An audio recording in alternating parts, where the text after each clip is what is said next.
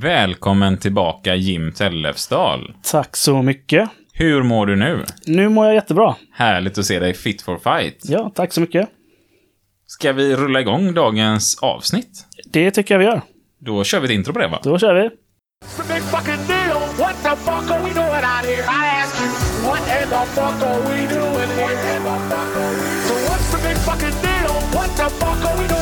It's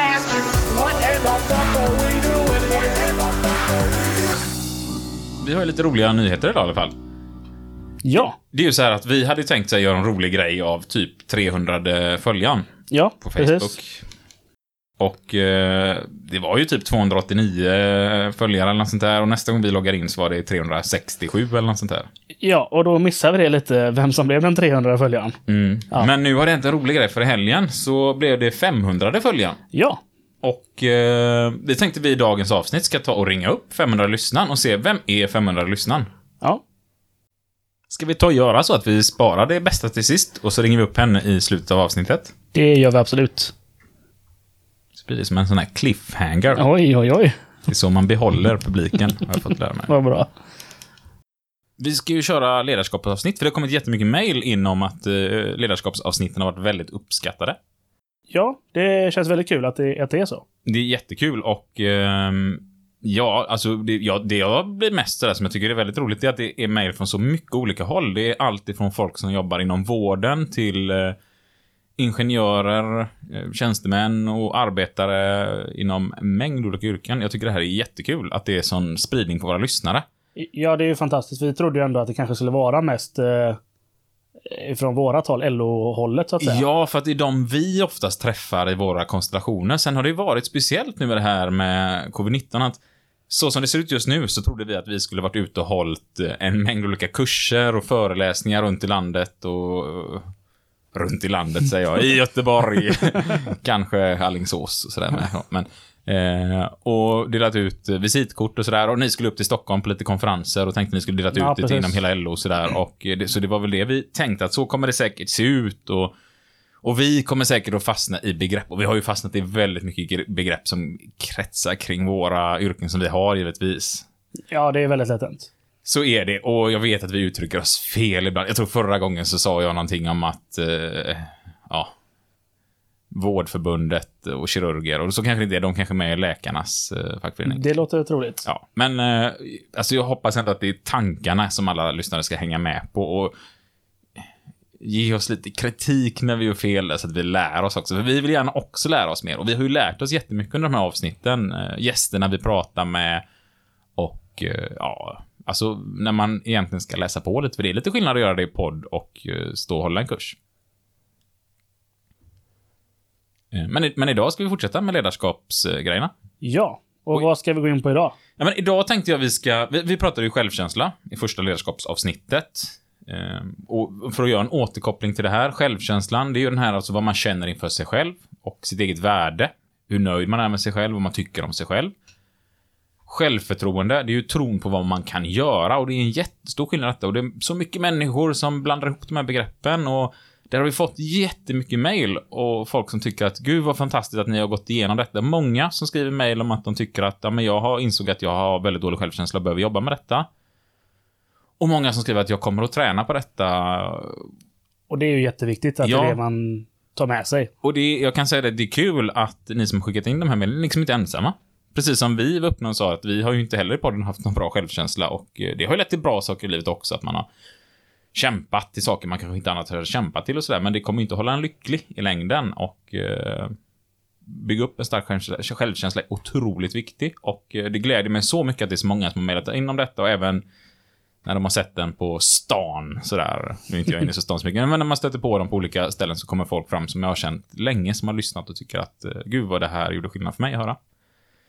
För jag fastnar, jag pratar ju mycket om självkänsla, så jag fastnar ju nästan i det här så ofta. Och så många gånger man sitter och pratar med någon och någon beskriver ett problem och man säger att jag tror att den här individen vi pratar med har ganska låg självkänsla och därför agerar den på det här sättet för att liksom trycka ner andra i sin omgivning. Så bara, nej, nej, nej, nej, den här personen har väldigt, väldigt bra självförtroende. Ja, ja men absolut, det har personen verkligen. Men självkänslan tror jag är lite låg. ja, nej, nej, den har jättebra självförtroende. Ja, visst, ja, men ja, ja, precis. självförtroendet är fantastiskt bra. Ja, det jag menar är självkänslan, alltså vad individen känner om sig själv. Och då får man en sån tom blick. Ja, jag vet, säger personen då liksom så här. Och så får man så tänka, ah, nu får jag försöka lite, lite mer med giraffspråket kanske för att nå fram här. För nu vill jag inte sitta och säga till dig, vad fel du har, lilla vännen. Eh, det vill jag ju absolut inte göra, utan då får man försöka liksom att förklara att ja, men det, jag hade ingen koll på det här med självkänsla alls förrän eh, för ett par år sedan när jag träffade min fru då. Och så börjar man prata lite kring det begreppet och så märker man, oj, vilken skillnad det blir hos folk som har lyssnat på det. Jag tycker det är jättekul. Eh, och vi ska vidare det här spåret nu. Vi pratade också om eh, giraffspråket ur lite förhandlingssynpunkt sådär. Min eh, fru hade lite åsikter kring det och tyckte att eh, ah, det är inte 100% giraffspråk ni kör. Nästan ajabaja. Men det sa hon inte heller. Hon sa det på ett väldigt trevligt och härligt sätt. Så, eh, så, sådär. Och, nej, men vi, och det var ju lite anpassat för att det ska funka i förhandlingsrummet. Eh, lite annat, jobbar man inom förskola och skola och pratar med barn så behöver man kanske inte alltid stå på sig på det sättet som vi kanske ibland behöver göra de här fackliga sätten. Så att eh, givetvis ska man vidareutveckla. Och en gammal kollega till mig som jag tycker är helt fantastisk eh, skickade till mig en bild där. Han har köpt en av Marshall Rosenbergs ljudböcker nu. Eh, Ja, vad kul. och lyssna på. Och det gjorde mig jätteglad. Så när du hör detta här nu Johan, så kan jag säga att det gjorde hela min dag faktiskt. Eh, Du får gärna skriva sen vad du tyckte om boken. Men idag tänkte vi ska vidare detta och så ska vi in på Abraham Maslows eh, behovstrappa. Maslows behovstrappa som den brukar kallas för. Och vi ska försöka prata om den här, alltså den, den här är ju med i mycket psykologikurser, och jag vet att den är med i mycket ledarskapsutbildningar och lite allt möjligt. Och vi ska försöka använda den här modellen till att förklara en del saker som händer samtidigt. Vi ska försöka förklara extremism ihop med den här. Vi ska försöka förklara alltså, missbruk, kriminalitet. Men vi ska också försöka förklara problematik som kan hända på arbetsplatsen. Alltså när vi har medlemmar eller kollegor som missköter sig eller som råkar illa ut på arbetsplatsen och hur vi kan använda den här eh, behovstrappan i våra tänk faktiskt, som förtroendevalda, eller som kollegor, eller som chefer, eller vad det nu kan tänkas vara. Försvarsmakten vet jag använder den här en hel del. Och eh, personen som första gången lärde ut den här behovstrappan för mig, det var under gymnasiet. Anders Gustafsson heter han. Och eh, var utbildad inom Försvarsmakten. I, förs vad heter den? Försvarshögskolan, heter den så kanske? Det kanske den heter. Jag kan inte lova något. Så lyssnar han på podden så en jätteeloge till honom. Annars vet jag att han eh, föreläser omkring ibland, så då kan man gå och se honom. Jag tycker han gör den här mycket, mycket bättre än många andra jag har sett köra den här. Och där väcktes mitt intresse för den här. Och det är alltså gymnasiet någonstans som det sker. Och jag fastnade så starkt för den här modellen för att den tycker jag förklarar så mycket om våran omgivning och våran värld. Så att jag har verkligen haft med mig den de sista ja, vad kan det vara? När gick man i gymnasiet? Eh, sen 2004, 2005 har jag haft med mig den här i alla fall. Och eh, jag, jag har med mig den varje vecka. Och tycker att den här är så otroligt stark. Och det här är ju en teori. Abraham Maslow var psykolog och han studerade i University of Wisconsin i eh, USA. Och eh, han gjorde sin doktorexamen där 1934, så det är ganska länge sedan. Och han då tillsammans med Carl Rogers, som vi pratade om eh, att Marshall Rosenberg byggde mycket av sina teorier på Carl Rogers till det. De myntade det här begreppet om humanistisk psykologi på 60-talet. Och eh, den humanistiska psykologin, det, det är helt enkelt den här delen inom psykologin där man faktiskt tror att människan är kapabel och har fri vilja och eh, kan sträva efter att liksom växa och eh, nå ett bra välmående. Att bli bättre för sig själv.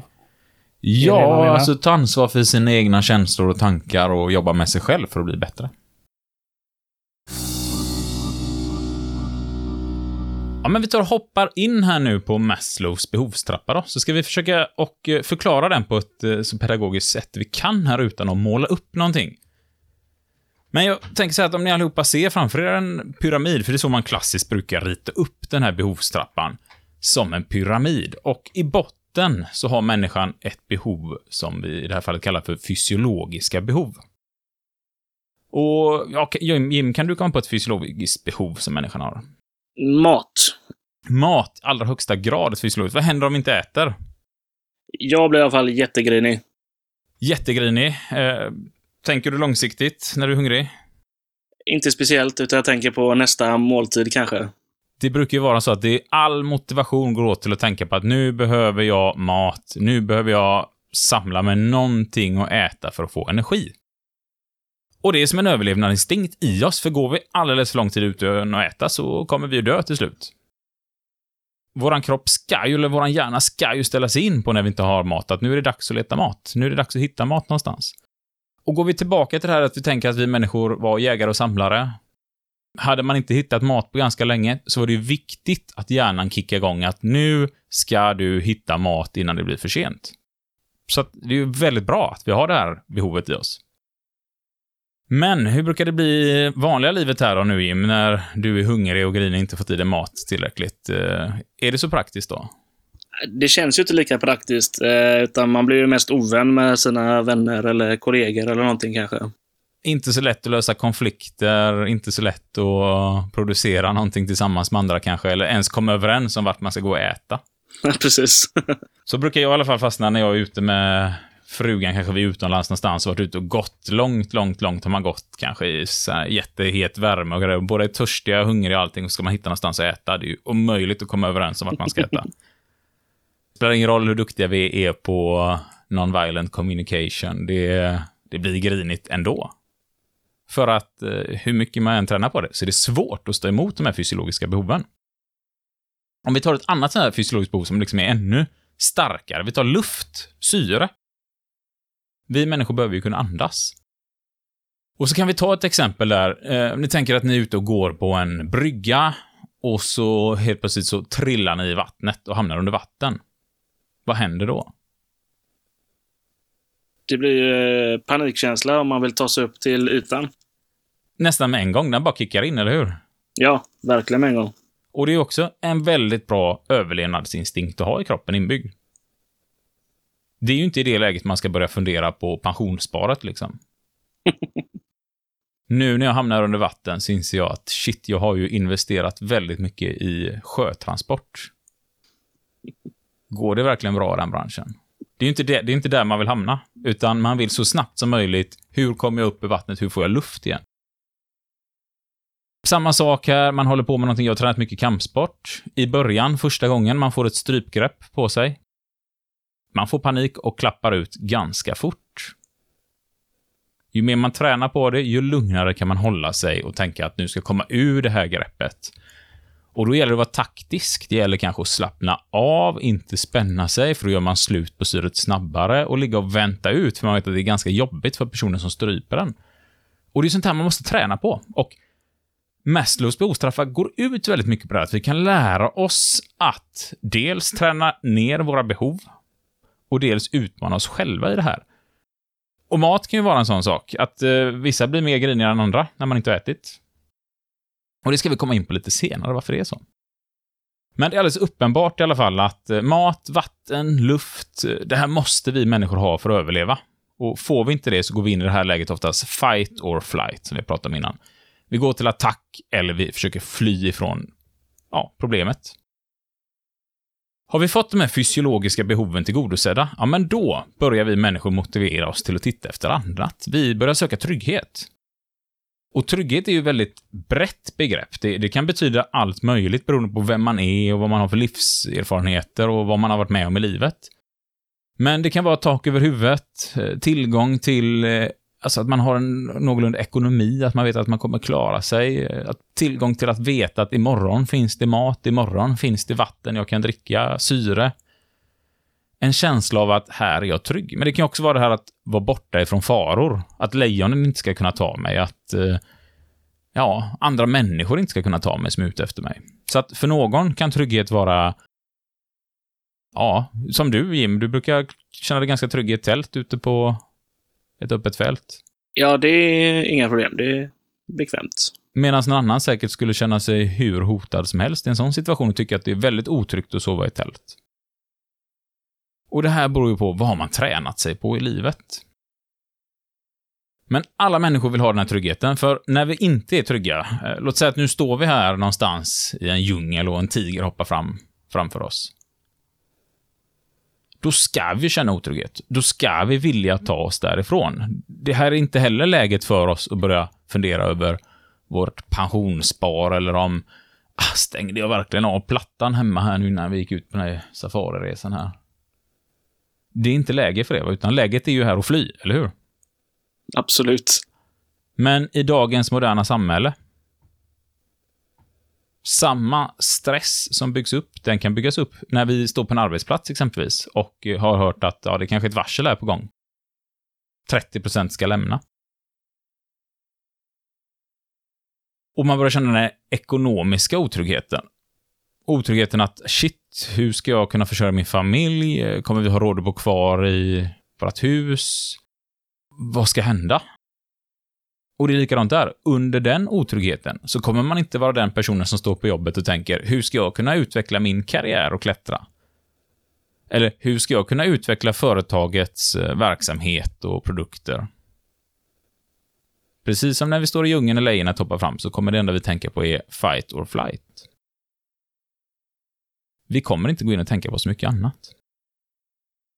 Har vi nu de här fysiologiska behoven, vi har mat, vatten, luft och allt så här, vi känner trygghet, vi har någonstans där vi är trygga, då börjar vi leta oss efter nästa sak. Och det är helt enkelt gemenskap. Kärlek, vänskap, eh, en partner, en familj, vänner, en grupp att tillhöra.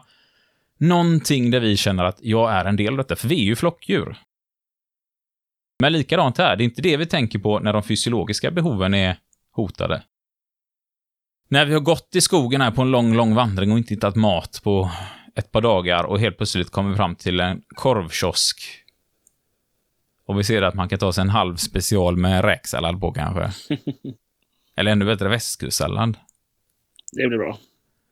Det är ju inte då vi tänker så här, ja men vilken trevlig person som står framför mig i kön här. Han kanske också är hungrig. Hon kanske har bra investeringstips till pensionen. Utan det enda vi kommer tänka på är att flytta er så jag får min korv med bröd. Har vi inga pengar på oss så kommer vi nog kräva att vi får en korv med bröd om vi har gått ett par dagar utan mat där. eh, Och vi kommer inte ha jättemycket förståelse för att den här personen i kassan eh, vill ta betalt, eller vad tror du? Nej, det... är- Ett par dagar utan mat kommer man inte vara så trevlig. Nej, så att gemenskap är ingenting vi kommer att söka här, utan först när vi känner att vi har fått våra fysiologiska behov tillgodosedda, vi känner en trygghet, ja men då blir det intressant att lära känna de här människorna runt omkring oss och faktiskt få tillhöra någonting och känna att vi kan bygga upp någonting tillsammans. Och det kan ju i sig skapa en trygghet, att man bygger upp ett samhälle. Jag brukar alltid ställa en fråga till kursdeltagarna så här. Ni har varit ute och vandrat och gått vilse och ni har nu varit borta i 6-7 dagar i skogen, inte hittat något att äta, bara något att dricka. Det är kallt, det är minusgrader, det börjar gå ner mot 14 minus och det faller ganska kraftigt med snö. Ni vet att ni kommer snart frysa ihjäl. Och så ser ni en liten stuga i skogen. Hur många av er hade kunnat tänka sig att göra inbrott i den här och bryta sig in för att övernatta, äta sig mätta, för att inte dö? Vad hade du gjort, Jim? Eh, jag hade brutit mig in. För överlevnad. Så nu sitter du och erkänner här i poddradio att du är kriminell? Ja. Mm, jag hade kunnat bli kriminell, säger jag här tydligen. Ja. Och det här brukar vara en sån sak som många har svårt liksom. Ja, men det är väl inte kriminellt? Och det beror ju på vad man menar med kriminellt, vad man lägger för värdering i ordet kriminellt, men man kommer ju bryta mot svensk lagstiftning. Sen kanske det finns någonstans där det är okej att göra sånt här för överlevnadens skull, va? Men de allra flesta skulle tala om här i ett sånt läge att ja, men jag är beredd att göra någonting som jag inte hade gjort i vanliga fall. Och de allra flesta kanske dessutom hade gjort rätt för sig efteråt och ja, kanske lämnat en lapp med sitt telefonnummer och eh, ersatt dem med en slant när de kommer tillbaka hem igen och hittar hem och sådär. Men de allra flesta skulle bryta mot lagen i ett sånt här tillfälle. Och det hade jag också gjort alla gånger i veckan. Samma sak här med mat. Man har inte ätit på hur länge som helst. Eh, Har ingen ekonom, ekonomi för det. Hur långt skulle man sträcka sig? Skulle man kunna stjäla macka?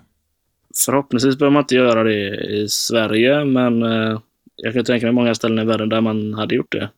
Där man hade gjort det och kanske dessutom bli straffade med att bli av med en hand eller något liknande. Ja, precis. Och ändå vet vi att människan fungerar så här. Så vi ska försöka komma in på det sen lite senare här i eh, den här mallen. Vi ska försöka koppla detta till politik och hur man kan bygga upp ett starkt samhälle. Där människor faktiskt kan utveckla samhället mer än att leva i de här, ja, egentligen stressen om att försöka hitta fysiologiska behov eller trygghetsbehov eller gemenskap. För att när vi har kommit upp i det här och hittar gemenskap, när vi hittar någonstans där vi känner att vi trivs och mår bra, då kan vi klättra upp till nästa steg. Och det steget, det benämns lite olika beroende på var, vem man lyssnar på och vem man läser, men eh, det är egentligen här vi börjar söka oss efter självkänsla. Eller självrespekt, eller, eller makt, hävdar många. Här vill vi någonting mer än att bara tillhöra en gemenskap. Och jag menar på så här att alla människor som utvecklar sin självkänsla är, alla som börjar sätta ett värde på sig själva, som börjar inse vad jag är värd för mig själv, börjar acceptera sig som man är och förstå sig på sina styrkor och svagheter och lära sig att acceptera dem. De personerna kommer inte söka någon makt.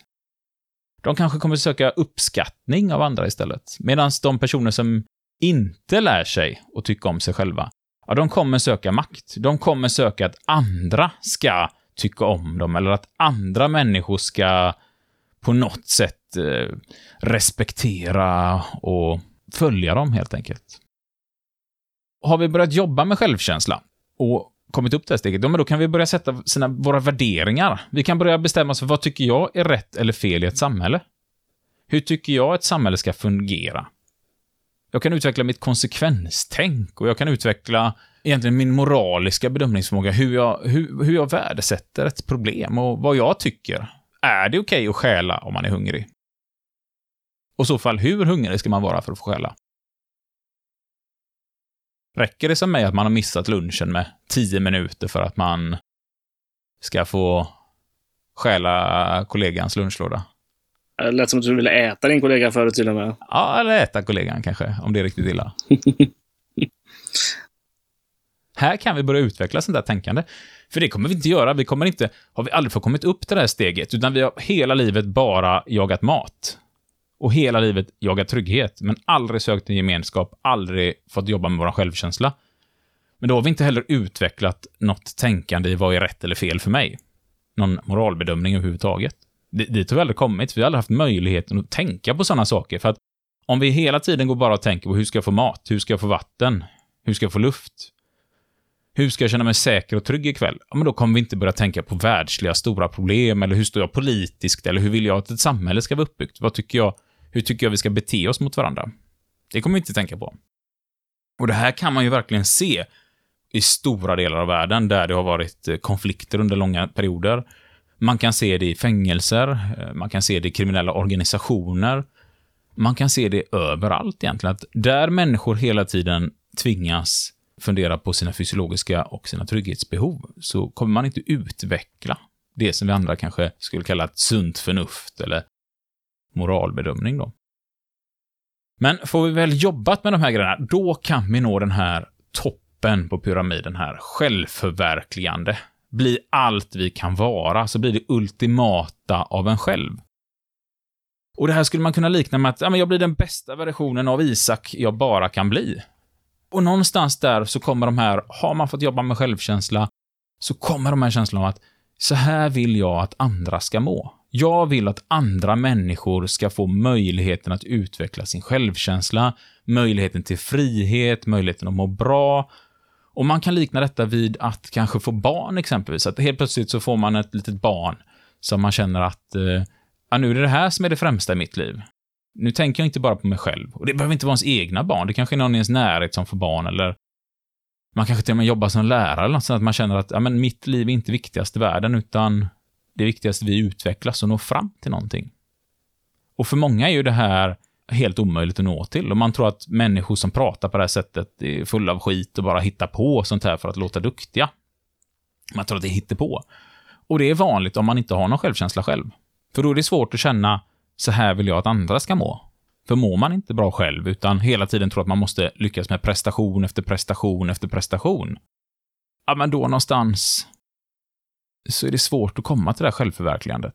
Och jag tänker på häromdagen här, eh, Alexander Bards eh, uttalande här om eh, Black Lives Matters. Såg du det Twitter-utlåtandet? Jag har sett det.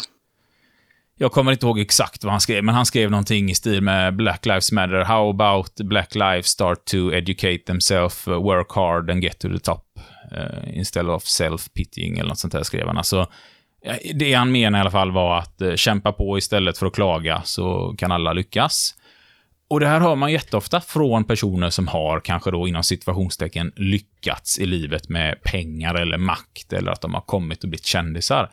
Och jag tror ju verkligen att det är som Alexander Bard, att han har säkert haft ett jättetufft liv.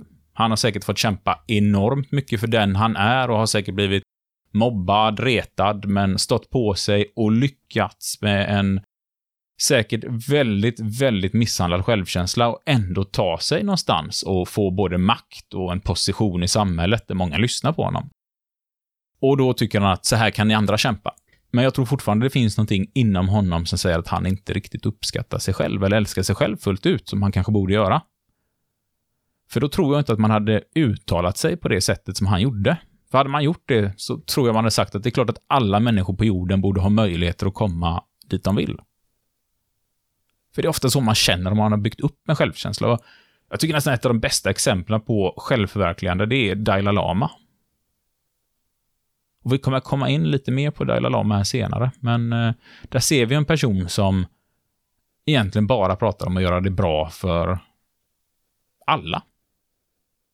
Och för den som inte vet vem Dalai Lama är, så är han ju, ja vad ska man säga, både politisk och religiös ledare för Tibet, men han är landsförvisad och kan inte befinna sig i Tibet, för då kommer han att hamna i kinesiskt fängelse. Eller bli avrättad kanske till och med. Så han kan inte återvända till sitt land egentligen. Utan reser runt på jorden och själv eh, och föreläser och pratar kring konflikterna i Tibet och han pratar om eh, allt möjligt.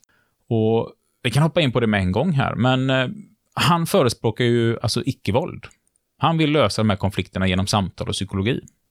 Att alla ska få det bra. För han vill inte att det kinesiska folket ska bli straffade för att makteliten i Kina har gett sig på Tibet. För det tycker han är fel. Och där tror jag vi är inne på det här med en person som har kommit till det här självförverkligande. Och man kan ju liksom lite ta buddhismens, eh, för de som har läst religion, eh, deras nirvana.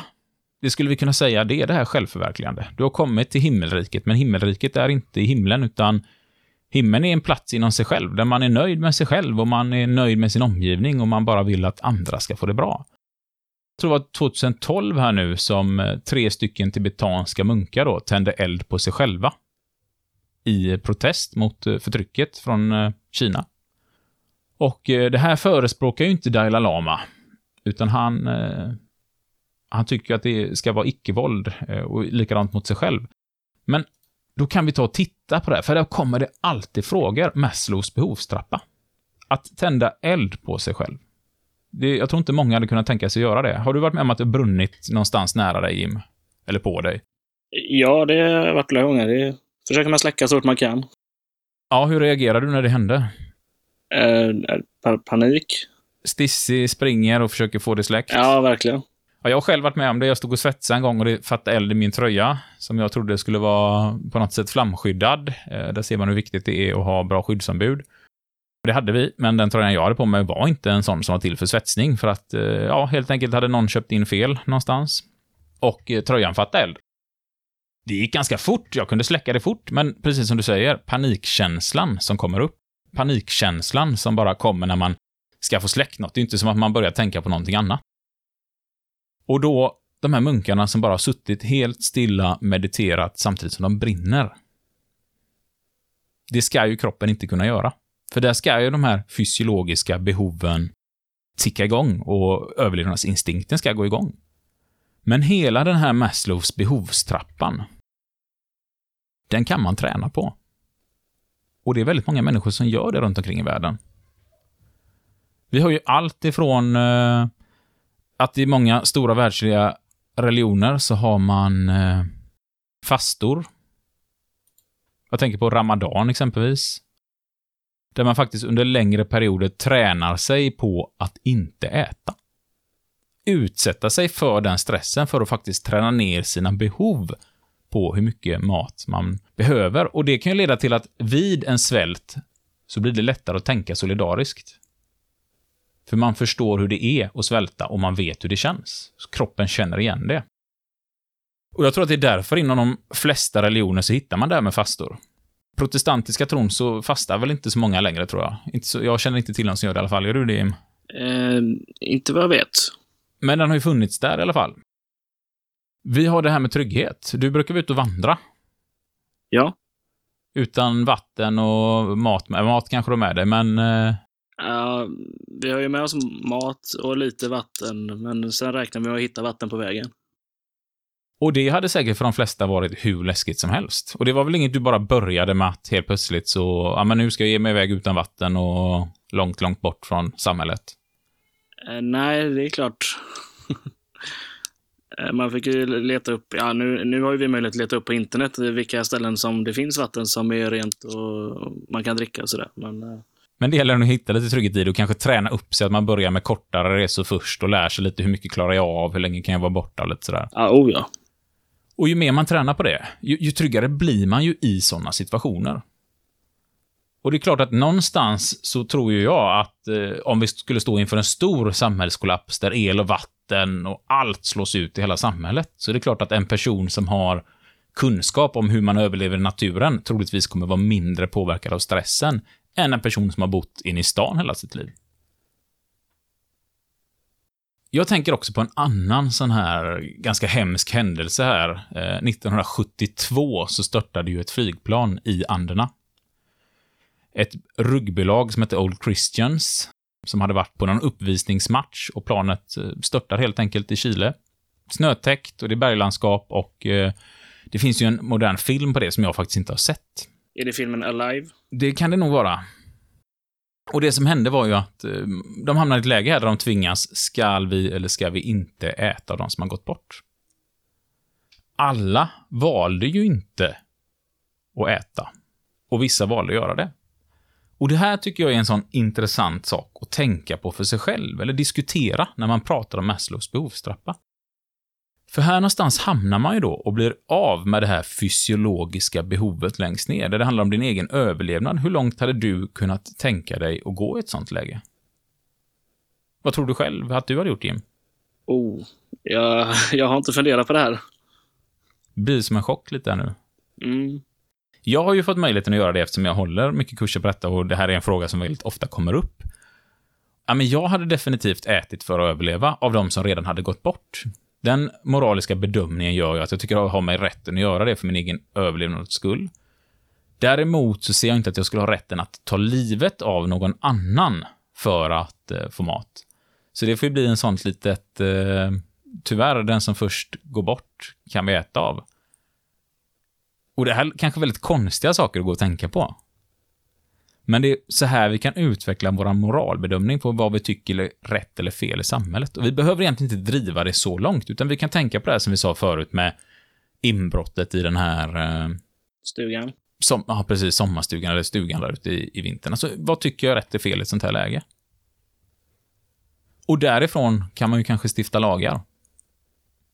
Och i Sverige är det ju så att vi har ju förmildrande omständigheter i väldigt många fall. Jag kan tänka mig att straffskalan skulle vara enormt mycket lägre på någon som har varit utan mat och borttappad i skogen som gör inbrott i en sommarstuga och sen försöker göra rätt för sig. Kanske man inte ens skulle bli straffad alls. Medan i andra länder så hade inte det spelat någon som helst roll. Och likadant blir det ju då om vi tänker på den hemlöse personen. Som går ute. Det är 14, 15, 16 minusgrader. Och man tvingas kanske bryta sig in i en källare för att övernatta, eller in i en trappuppgång eller något sånt där. Och därifrån kan vi tänka när vi bygger vårt samhälle, för att vi vet ju att det finns missbrukare. Vi vet att det finns hemlösa. I Sverige är det väl ändå som så att vi har byggt upp ett system som är relativt bra. Nu är bostadsmarknaden ganska tragisk, så att idag är det ju folk som, trots att de har jobb och grejer, blir bostadslösa. Men vi vet att det finns människor med missbruksproblematik. Och ett missbruk, det kan ju vara så långt att det faktiskt blir ett fysiologiskt behov. Det kan faktiskt vara så att ett missbruk, ett heroinmissbruk, det är så fysiologiskt rotat så att kroppen måste ha heroin, annars kommer abstinensbesvären. Man tror att man ska dö, helt enkelt. Och, och det blir samma sak som om du eller jag hade varit utan mat, vatten eller luft. Att kroppen kommer se till att jag ska ha heroin nu. Och då kommer vi inte göra någon moralisk bedömning i Ska jag göra inbrott i den här källan och sälja den här barnfamiljens saker för att kunna råd att köpa heroin? Det kommer inte ligga någon moralbedömning i det. För det är ungefär samma moralbedömning som när vi är ute i skogen och inte har fått någon mat. Och det här kan låta väldigt hemskt. Alkohol kan också bli ett fysiologiskt behov. Och det finns en psykiatriker som heter Nora Volkov, som jag tycker, har ni möjligheten, så ta och lyssna på Anders Hansen och Simon Kyagas podcast Psykiatrikerna, där de intervjuar henne. Extremt intressant att lyssna på hur hon pratar om det här med hjärnans plasticitet. Eh, och lite förenklat att eh, hjärnan kan bygga om sig själv. Hjärnan är liksom omprogrammeringsbar och eh, hon menar på att vid alkoholmissbruk så, egentligen vid alla missbruk, så programmerar hjärnan om sig själv för att fysiologiskt skydda det här missbruket kan man säga. Och hon har märkt att det här är samma funktion som händer när en kvinna föder ett barn. Att plasticiteten i hjärnan gör då att man ska skydda det här barnet mot allt som kan hända. Och man ser att samma saker händer vid ett missbruk. Och det kan få en att tänka lite annorlunda på det här med missbruk och man kan till och med ställa sig själv frågan, har vi då fri vilja när det kommer till ett missbruk, om man redan har hamnat i ett missbruk? Och det menar Nora Volkov i princip på att eh, vid ett missbruk så har du inte fri vilja. För det blir samma sak som att ta bort luft från någon. Tar du bort luft från någon och säger att lita på mig, du kommer klara dig utan syret. Det kommer du inte göra, du kommer få panik ändå. Och då kan vi börja räkna på de här sakerna lite lätt. Jag, jag försökte att inför idag få med mig en liten väldigt förenklad eh, uträkning här på vad ett inbrott skulle kunna tänkas kosta egentligen. En hemlös person som håller på att frysa ihjäl över vintern och behöver värme över natten och väljer att bryta sig in i en källare. Och vi kan väl börja med de här självklara sakerna. Liksom. Vad, vad kan vi tänka oss att det kostar med en uppbruten dörr, en trasig ruta och ett uppbrutet lås? Med reparationer. 20 000. Gissningsvis. Ja, men någonstans där kanske. Ja, för det är ju ändå försäkringar. Hade vi inte haft några inbrott så hade inga människor haft sådana försäkringar. Så att det ska, försäkringsbolag ska finnas där. Eh, någon som kommer ut från eh, ja, en låsmed som kommer ut, någon från smidesklubben här kanske, och ska reparera den här dörren och lite sådär. Så där har vi den enkla kostnaden. Ehm, sen försökte jag titta lite här på ja, poliskostnaden. Och för ett snittbrott då, en sån utredning, så är det 19 282 kronor enligt Polismyndigheten, och det var 2017. Så redan här då är vi uppe ungefär 40 000 kronor. Och nu leker vi med tanken att man får fast den här personen. Och den här personen är straffad sedan tidigare och man upptäcker dessutom lite annat, så att den här personen får fängelse i sex månader.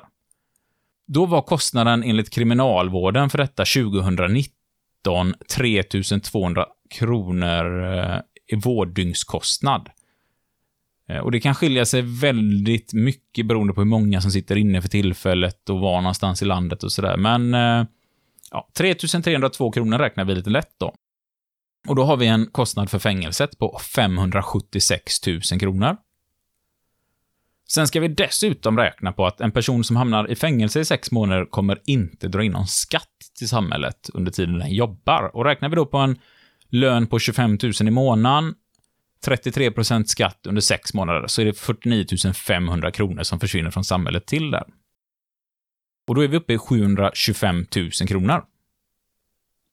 Ja, det tickar på fort.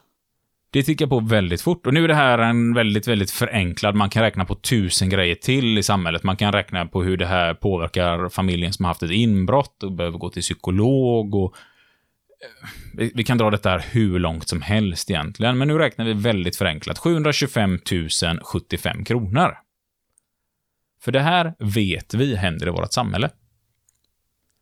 Och då kan man tänka så här, för 725 000 kronor, finns det någonting vi kan göra för de här människorna som inte känner trygghet och sina fysiologiska behov, som gör att de slipper göra inbrott? Det finns definitivt möjligheter att göra för 725 000.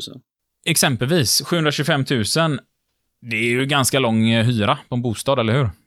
Hade det bara funnits tillräckligt med bostäder, så eh, med en hyra på 5 000 i månaden, så blir det ju ett antal år som personen hade kunnat få sin hyra betald. Ja, det är ju sju år eller sex år. Vad blir det? ja, det är du som är den levande miniräknaren, inte jag.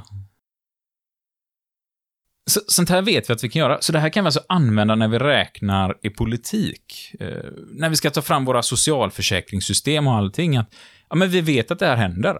Och då kan man fråga sig själv, ja, är det moraliskt rätt att en person som har, innan situationstecken, misskött sig i samhället ska bara få en lägenhet hur som helst då?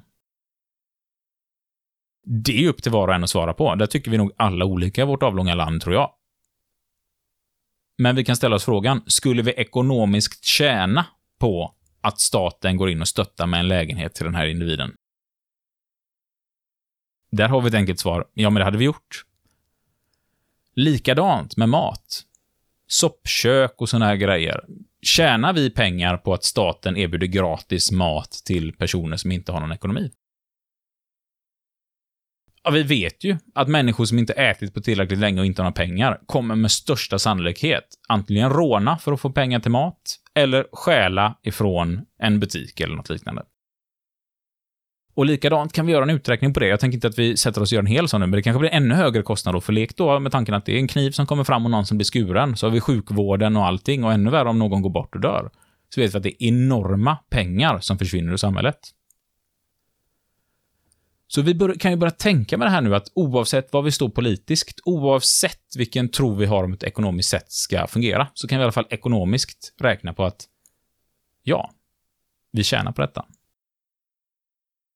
Och nu har vi tagit det fysiologiska här och kanske trygghetsbehoven. Och i Sverige så har vi i alla fall ett system som vi tänkt ska fungera för alla de här individerna. Sen gör det kanske inte det överallt. Men det finns en grundtanke om att det ska göra det. När vi går upp i nästa steg här, gemenskap. Då kan vi börja fundera här. Vad händer med människor som inte finner någon gemenskap? Vad händer med en människa som aldrig träffar, får sin kärlek eller får några vänner att umgås med? Ja, det är rätt mycket som kan hända. Alltså visst ser vi ibland på tv dokumentärer om isolerade personer, men nästan alltid har de sökt sig ändå någon form av gemenskap.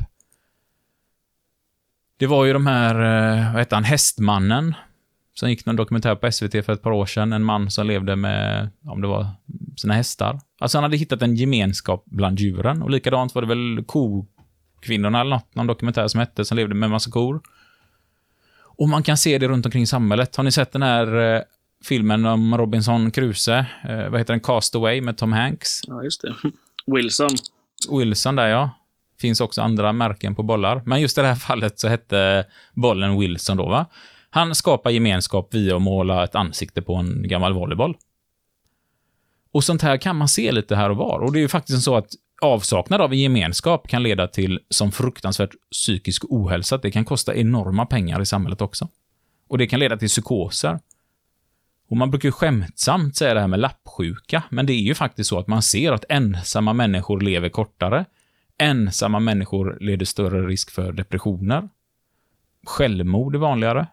Och allt sånt här kostar också samhället enorma mängder pengar. Så oavsett hur vi står politiskt i den här frågan, så vet vi även här att väldigt lite pengar till exempelvis scoutkåren, fotbollsföreningar, hembygdsgårdar. Vad, vad har vi mer i Sverige?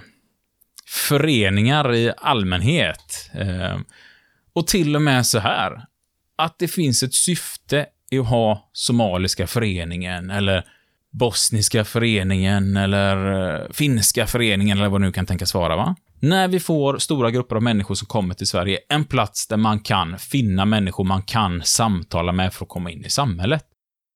Givetvis är det ju viktigt att det här är bra organisationer och föreningar som inte eh, sysslar med kriminalitet, utan att det är en plats dit man kommer och kan finna en gemenskap för att komma in i samhället. Och jag har varit jättemycket på en bosnisk förening här i Göteborg, bland annat, för jag har en mängd kompisar som kommer därifrån. Och jag är så imponerad att varje gång det kommer en ny person från något, något av de forna jugoslaviska länderna och kommer dit, kan prata samma språk som folket som är där, så hittar de snabbt ett kontaktnät och är i arbete efter i princip en vecka eller två. Varenda gång jag har stött på det. Varenda gång det kommit någon ny nit när jag har varit där. En vecka senare har personen ett jobb.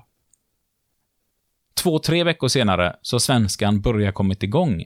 Eh, ofta kommit med i kanske någon fotbollsklubb eller någonting annat och börjat bidra till samhället. Och efter ett år eller två, ja men då är man rotad och är verkligen en del av svenska samhället. Och man kan också se att det här är en sån oerhört viktig sak för självkänslan. Och det kan vi se i minoritetsgrupper runt omkring i världen, att minoriteter som får möjligheten att värna sitt arv och ja, stå för varifrån man kommer och ha möjligheten att liksom kunna fira sina gamla traditioner och ja, ja, helt enkelt få vara en del av sitt arv, så ser man att självkänslan hos de här individerna blir så mycket bättre. För man behöver inte skämmas för varifrån man kommer eller skämmas för den man är, utan man kan vara stolt över att vara den man är. Och man ser att de här människorna som utvecklar en bra självkänsla, de bidrar till mycket mer positiva saker i samhället. Så det kan finnas till och med ett enormt värde i att få lära sig sitt hemspråk i skolan. Inte bara för att kunna det språket för att utveckla språklärandet, för det är också viktigt, men bara en sån sak som självkänsla av individen. Det är det som kan göra den stora skillnaden på om jag lyckas i samhället sen eller inte. Och de här människorna sen kan ju ta sig upp till det här steget självförverkligande. Så här kan vi liksom ekonomiskt motivera till varför samhället mår bra av att alla de här behoven tillgodoses, eller att i alla fall möjligheten finns. Sen kommer det säkert alltid vara folk som faller utanför detta ändå. Och Det tänkte jag vi ska spara till lite senare. Vad händer om de här fysiologiska behoven, trygghetsbehoven och gemenskapsbehoven inte tillgodoses? Vad kan en människa råka ut för då? Men jag tänkte först vi ska hoppa in på arbetsplatsen. För nästan alltid när vi sitter i personärenden på arbetsplatserna så tycker jag mig att man kan finnas en brist i den här behovstrappan hos en individ. Och jag vet inte, vad, vad, vad tycker du är vanliga personärenden, Jim, som du sitter i? Ja, misskötsel, ja precis. Och jag tycker också att misskötsel, eh, låg kompetens, slash eh, låg upparbetning, att man inte ligger i samma tempo som de andra. Det och ihop med missbruk tycker jag är de absolut vanligaste personärenden jag hamnar i. Och nästan varje gång kan man börja titta på Maslows behovstrappa och se vad är problemen? Vi kan ta det här första, fysiologiska behov. Sömn är ju ett fysiologiskt behov vi inte har pratat om. Enormt viktigt, nästan ett av de viktigaste också. Det är svårt att ta bort det här. Det är givetvis, tar du bort luft, vatten, mat eller sömn så dör du ju oavsett vilket du tar bort. Men det som händer om vi inte får sova tillräckligt, det är ju faktiskt att eh, vi kan utveckla psykoser. Eh, vi blir enormt improduktiva. Och det brukar jag ju tycka att det är nästan det vanligaste, att vi stöter på en individ som missköter sig på jobbet och ganska fort kommer det fram att personen sover ofta väldigt, väldigt dåligt. Och jag tror alla vet det, alla som har gått omkring och varit sådär fruktansvärt trötta och bara vill gå och lägga sig igen. Om man bara tänker på överlevnad. Man blir ju inte så duktig på sitt jobb under de perioderna. Alltså det enda jag kan tänka på när jag är riktigt trött på jobbet, är ju, börja inte bråka med någon nu Isak. Börja inte bråka, börja inte bråka, börja inte bråka. Och så räcker det att någon säger god morgon, så tänker jag, vadå god morgon? Den är fan inte god. Så jag är nästan där, va? Så funkar jag när jag är trött. Och det här kan vi börja rodda i, här kan vi börja hitta, vi kan börja använda Maslows bosappet och tänka, vad är problematiken här? Alkoholen är ju också en sån här vanlig grej, att en människa som söker alkohol, det händer ju ofta ganska mycket med den personens liv.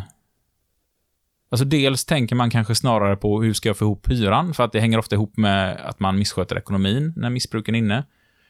Eh, vad som nu är hönan eller ägget kan vara svårt att säga. Många gånger är det en dålig ekonomi som har lett till ett missbruk eller tvärtom. Men då kan man börja säga att bara den sakens skull, att få ihop sin trygghet, eh, kommer jag kunna ha råd att betala hyran? Har jag råd att köpa min alkohol? För det blir nästan som att man tappar sin trygghet när man inte har möjlighet att tillgå till alkohol och då börjar man lura sina kollegor. Vilket eh, man kanske lånar pengar som man inte kan betala tillbaka av sina kollegor. Och det är ju inte ens med vilje man ljuger. Utan man gör det och man är fullt medveten om att man ljuger, att man blåser människor. Och ofta mår man bara sämre av det. Och det gör att man får ännu sämre självkänsla och det försöker man dämpa ännu mer med den alkoholen. Men det kan också vara en sån här sak om att det är misskötsel på jobbet för att eh, man inte känner sig som en del av gemenskapen. Man tycker alla andra här är på mig, alla andra här sitter inte och fikar med mig, jag får inte vara en del av detta. Och hur mycket kärlek känner man inför den arbetsplatsen? Hur mycket känner man att man vill utveckla en sån arbetsplats? Ja, men då blir man nästan istället glad när saker går åt helvete på jobbet. När andra gör fel eller när pengarna inte kommer in eller sånt gör en nästan glad för man känner att haha, det blir då nästan straffade, de andra som inte jag får vara en del av. Och jag har sett det i stora stora industriföretag i Göteborg där man har behandlat personal väldigt illa. Att personalen till och med lägger papper i toaletterna och spolar eller i handfaten så att det ska bli översvämningar och kosta otroliga mängder pengar för företagen att reparera detta sen. Men det ser vi aldrig hända på de här lite seriösare industrierna där personalen trivs och blir respekterade och behandlade väl. Man kan säkert se sådana här spår hos personer som gryningspyromanen som var i tv för ett par år sedan. Jag vet inte vad som hände med han. Tog de fast han, eller vad hände? Jag har ingen aning faktiskt. Nej, för de som inte vet vem gryningspermonen var då, så tände han ju eld på en massa fastigheter i södra Sverige, vill jag minnas, som inte är helt ute och cyklar här. Utan att veta så mycket mer om den här personen så kan jag ju bara tänka mig att det är en person som inte har känt en gemenskap med samhället, som där istället utvecklar nästan att man blir arg på samhället, förbannad på samhället, vill ge igen på samhället. Och helt enkelt börjar tända eld på saker. Och det, det här är ju inte ovanligt att folk tänder eld på saker och ting, ungdomar som gör det i skolan. Det är ju sällan de ungdomarna som är mest populära som helt plötsligt får för sig att tända eld på skolan. Utan det här görs av människor som ofta känner att de har inte fått vara med i den här gemenskapen. Och det här kostar ju samhället enorma pengar. Gryningspyromanen har ju kostat ett antal miljarder. Och då kan man tänka, de miljarderna, det kanske är pengar som hade varit väl investerade i föreningar runt omkring i södra Sverige istället. Och då kanske det här aldrig hade hänt. För det kan man också tydligt se. Gå tillbaka i Göteborg där vi har haft en del problemområden och titta politiskt. Hur har man gjort med pengar till föreningar? Man ser ganska tydliga spår att när man börjar dra ner på alla de här föreningspengarna någonstans för, vad kan det vara idag, 15 år sedan? Det räckte att det tog 5-6 år därifrån, så var det ungdomar som inte hade någonstans att ta vägen och helt plötsligt känner att man inte har en gemenskap, man är inte en del av samhället och då kan vi lika gärna straffa samhället för detta. Och likadant blir det på våra arbetsplatser. Och det man vill komma till, det är ju det här steget självkänsla, där individerna på arbetsplatsen kan börja jobba med sin egen utveckling och börja inse att oh, jag vill lära mig mer av detta, jag vill bli bättre på detta, jag vill hjälpa företaget att utveckla de här produkterna. Så det finns ju en enorm vinning för företagen att få personalen till att utveckla sin självkänsla. Sen kan det leda till att vi har individer som säger upp sig och slutar på grund av det också, givetvis. Men det är nog för samhällets bästa, tror jag. För står jag ut för ett jobb som jag inte är riktigt nöjd med och känner att jag har så mycket mer att ge, eh, då är det väldigt resursslöseri för samhället att jag ska stå och göra ett jobb jag tycker är meningslöst. Då ska jag ju vidare och göra någonting där jag kan bidra mer till samhället. Det är ju bra för företaget också. Oftast är det det. Och väldigt ofta kommer personer tillbaka till företaget med extra kompetens och ja, kan utveckla. Det var lite kopplat till arbetsplatsen. Mm. Jag, tänker att vi ska komma in på det här nu med... Vi ska ta två individer som inte har lyckats, ja, helt enkelt tillgodose sina behov och hur det kan eh, utvecklas i samhället. Kör en liten eh, vignett först, tycker jag. Ja. Vi har nu två individer här som eh, inte riktigt lyckas eh, få med sig allt i Maslows behovstrappa. Den ena personen är född i Sverige med svenska föräldrar. Den andra personen säger att den är från Syrien, har inga föräldrar kvar i livet och kommer till Sverige lite senare i historien. Den här svenskfödde personen här börjar i skolan och eh, känner inte riktigt att den passar in i klassen. Det kan vara som så att man har någon bokstavskombination, läs och skrivsvårigheter. Tyvärr ser det ofta ut så för de som sitter på våra svenska anstalter att man har något eh, bakomliggande som har gjort att man, ja, inte riktigt har fungerat i skolan så som eh, samhället är byggt. Den här personen som eh, går här i skolan och inte riktigt känner sig att man har någon gemenskap i skolan utvecklar därför inga riktiga vänrelationer och sådär. Hemma känner man inte riktigt någon trygghet för att det är missbruk i hemmet och det är våld i hemmet.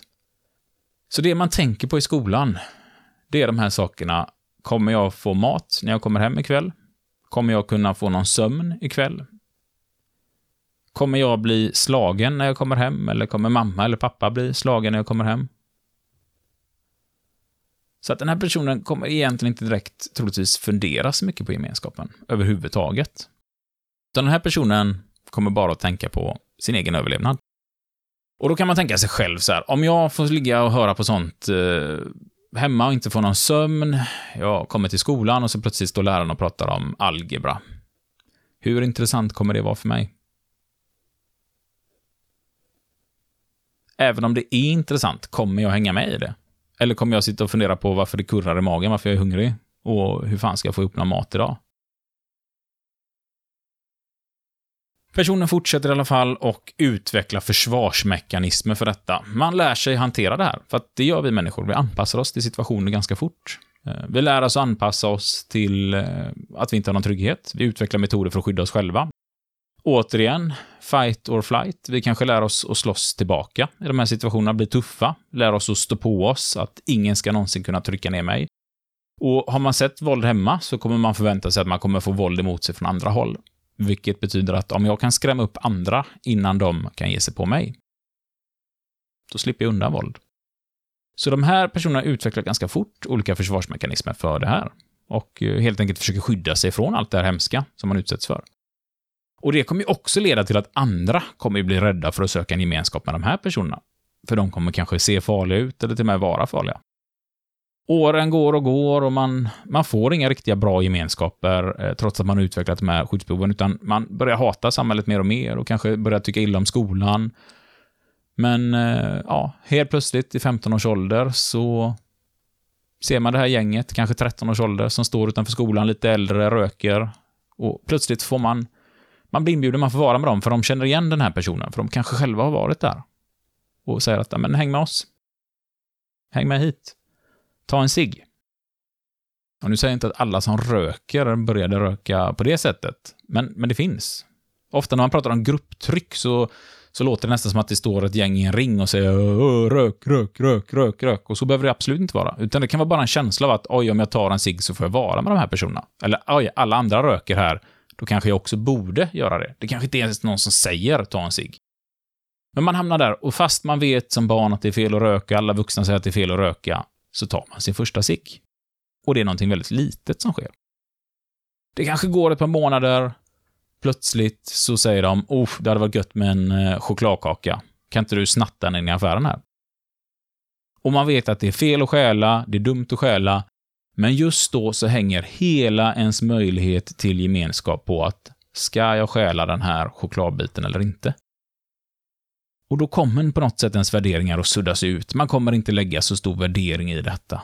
Utan troligtvis kommer det här barnet att snatta för första gången. Och det är ytterst få människor som börjar med ett värdetransportsrån, utan det börjar med något litet. Man röker en cigg som minderårig, man stjäl en chokladkaka, små saker som vi kan tycka är extremt oskyldigt, men det händer. Nästa steg kanske det är ett litet inbrott i fritidsgården, man bryter upp något skåp och tar lite drickor. Det har jag haft kompisar i min barndom som gjorde. Och som vuxen kan jag ju känna igen att det saknades ju saker hos dem i deras hem, som ledde till att de gjorde allt det här. Nu har det också kommit en person till Sverige här, som vi pratar om här, som var från Syrien, eh, som har fått fly från sitt hemland utan sina föräldrar. Blir satt i ett, eh, en flyktingförläggning. I den här flyktingförläggningen så bor det massa människor som har utsatts för fruktansvärda saker. Jag eh, skulle vilja tipsa er om att läsa en jättefin bok som heter Lång väg hem med Ismail Vea, som handlar om just det här hur det är att vara barn i ett krig. Som barnsoldat har han skrivit en bok.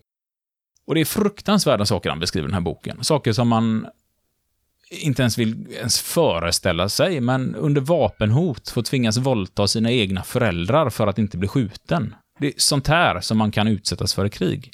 Se inälvor och grejer från andra människor framför sig som ett litet barn. Och det är klart man kommer utveckla väldigt, väldigt, väldigt hårda försvarsmekanismer hos sig själv i det här, för att överhuvudtaget klara av vardagen. Man kommer bli känslokall. Och komma till en flyktingförläggning då med en massa människor som har utstått för det här. Det kommer vara människor som vaknar upp och har panikångest och skriker mitt i natten, har posttraumatisk stress. Dela ett rum med flera andra människor som man inte känner innan. Hur många hade varit trygga i den miljön? Jag hade ju inte varit det. Vad hade du, Jim? Nej, det hade inte varit så bekvämt. Och där någonstans då från det känna att nu ska jag bli en del av det här svenska samhället jag kommer till. Det kommer vara svårt att koncentrera sig på SFIn. Det kommer vara svårt att koncentrera sig på den här intervjun man ska göra imorgon. För att man har svårt att känna tryggheten trots att man har kommit till ett land utan krig. Även fast kriget är borta. Men åren går, de här två individerna på två helt olika håll i vårt land, eh, de fortsätter i alla fall och de lär sig bli trygga i otryggheten. De försöker bygga upp gemenskaper. Den här killen eller tjejen från Syrien, eh, vart den än går så tittar folk konstigt på personen. Svenskan har inte blivit så bra och man får höra det varje dag. Lär dig prata svenska. Fan säger du? Vi fattar inte vad du säger. Har ni varit utomlands någon gång och försökt betala? ett land inte kan språket. Det finns ju knappt någonstans man känner sig så dum. När man går fram till kassörerskan eller kassören och så, och så får man bara ett sånt... Och så står man bara, jaha, undrar vad det betyder och så bara håller man fram en näve med pengar. Har ni varit med om det? Det har hänt. Hur smart känner man sig i det läget? Inte speciellt. Nej, och ibland så är de så här, ler de och är artiga och tar rätt. Och ibland så bara får man ett hånleende och så tänker man, tog han för mycket pengar nu eller vad hände? Ja, precis. Och gå med den känslan varje dag, hur roligt kan det vara? Man lär ju inte känna att, åh vad trevliga och goda de här människorna är. Eh, och det kanske de är. Men de kanske i sin tur tycker att, oj vad olustig situation, hur ska jag reagera nu? Jag försöker skratta lite, och så blir det istället ett falskt hånleende. Och personen uppfattar det som, oj, det hånler de åt mig för jag inte kan räkna på svenska. Alltså det finns så mycket möjligheter till missförstånd här, lite som vi var inne på när vi pratade om självkänsla. Har jag inte kommit till den här nivån där jag får bygga upp min självkänsla, så kommer jag missuppfatta väldigt mycket situationer runt omkring mig. Och allt är kanske inte heller missuppfattning.